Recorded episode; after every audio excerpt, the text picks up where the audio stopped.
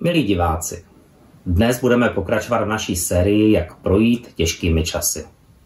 Minule jsme začali téma Jak zvládat stres, které dnes dokončíme. Podívali jsme se na Ježíšův život, ten, i když byl pod tlakem kritiky, nepřátelství a nepochopení, neprožíval stres, ale naopak. Pokoj, který měl, předával ostatním. Zjistili jsme čtyři mocné nástroje, které Ježíš proti tlaku a stresu používal.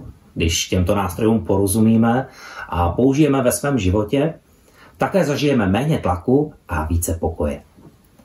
Za prvé poznej, kým jsi a drž se své identity. Za druhé ujasni si, komu se chceš líbit.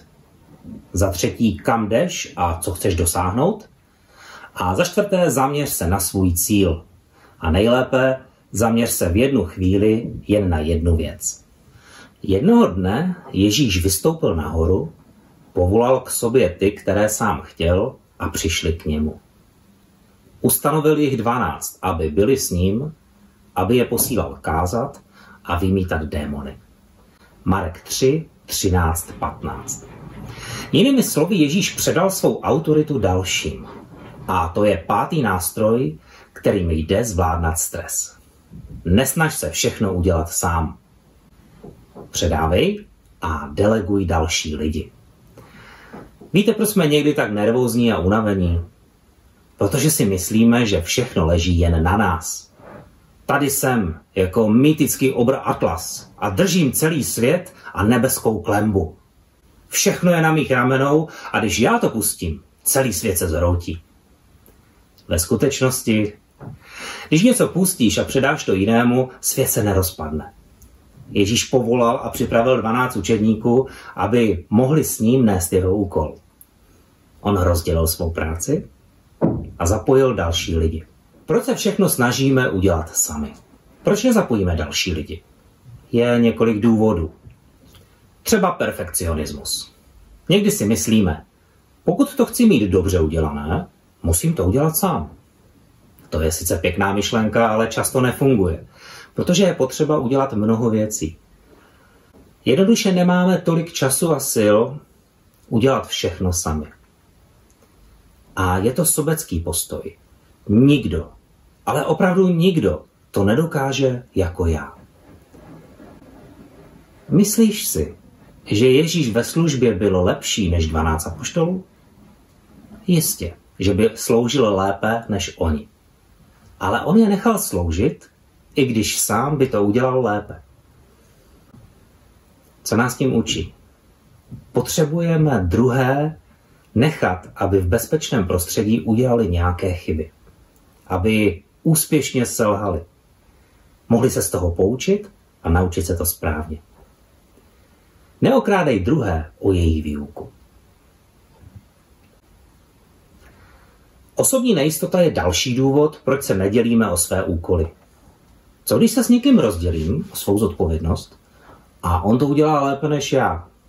To může někoho ohrožovat.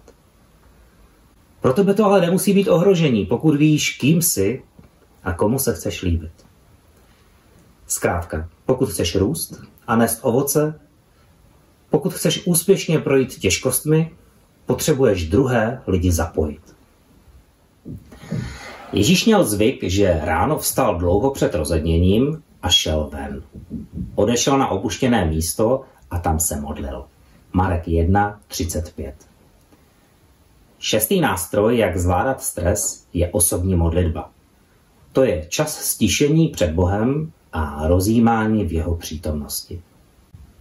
Modlitba může přinést obrovskou úlevu od stresu. Je to dar od Boha pro uvolnění tvé úzkosti. Bez ohledu na to, jak byl Ježíš zaneprázdněný, vždy si udělal čas na modlitbu. I krátký čas stišení před Bohem může být lékem na tvůj stres. S Bohem hovoříme v osobní modlitbě, co máme na srdci a co potřebujeme, a necháváme ho mluvit k nám, když čteme Bibli.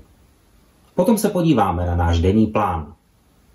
Srovnáme si priority a čekáme na boží vedení, jestli nějaké nezachytíme. Mnoho z našich problémů pochází z toho, že nejsme schopni sedět chvíli v klidu. Prostě se neumíme jen tak sklidnit a stišit. Po pár minutách klidu a ticha se už rozlížíme, co bychom prohlíželi, četli nebo poslouchali. Ticho je nám někdy nepříjemné. Přesto nám Bůh říká v Žalmu 37.7 stiž se před hospodinem a čekej na něj. Jeden z důvodů, proč někteří lidé nikdy nepoznají Boha osobně, je ten, že se neumí zastavit a sklidnit. Je to skoro ironie, že když člověk se na své cestě ztratí, tak freneticky zdvojnásobí svoji rychlost. A mnozí lidé tak tryskem uhání svým životem, ale neví, kam míří. Potřebujeme začít naše rána modlitbou, tak jako Ježíš. A pak jít celý den s Bohem a u něj čerpat sílu. Jednou se apoštolové sešli k Ježíšovi a oznámili mu všechno, co dělali a učili na své první misijní cestě.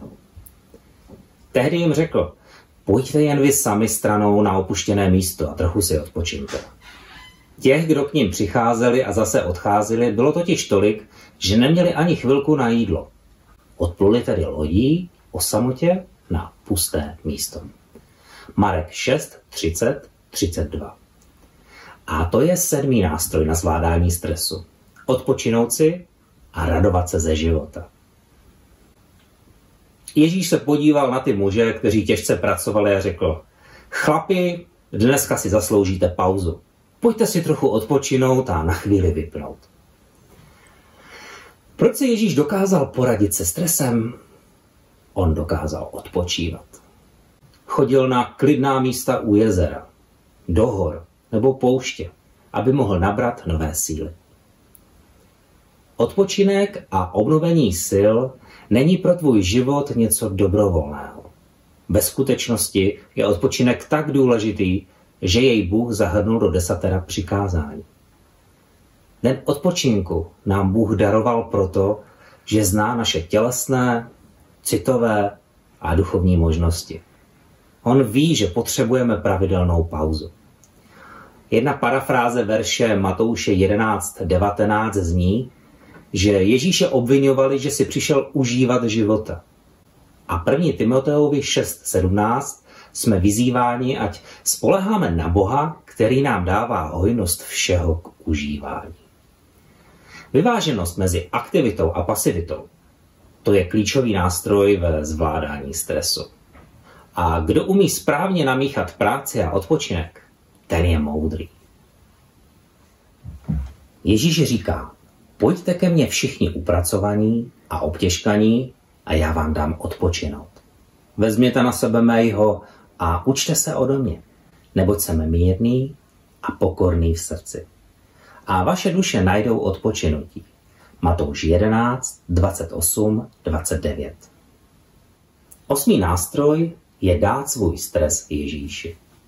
Nikdy nezažiješ hluboký pokoj, dokud nebudeš mít osobní vztah s někým, kdo má jméno kníže pokoje.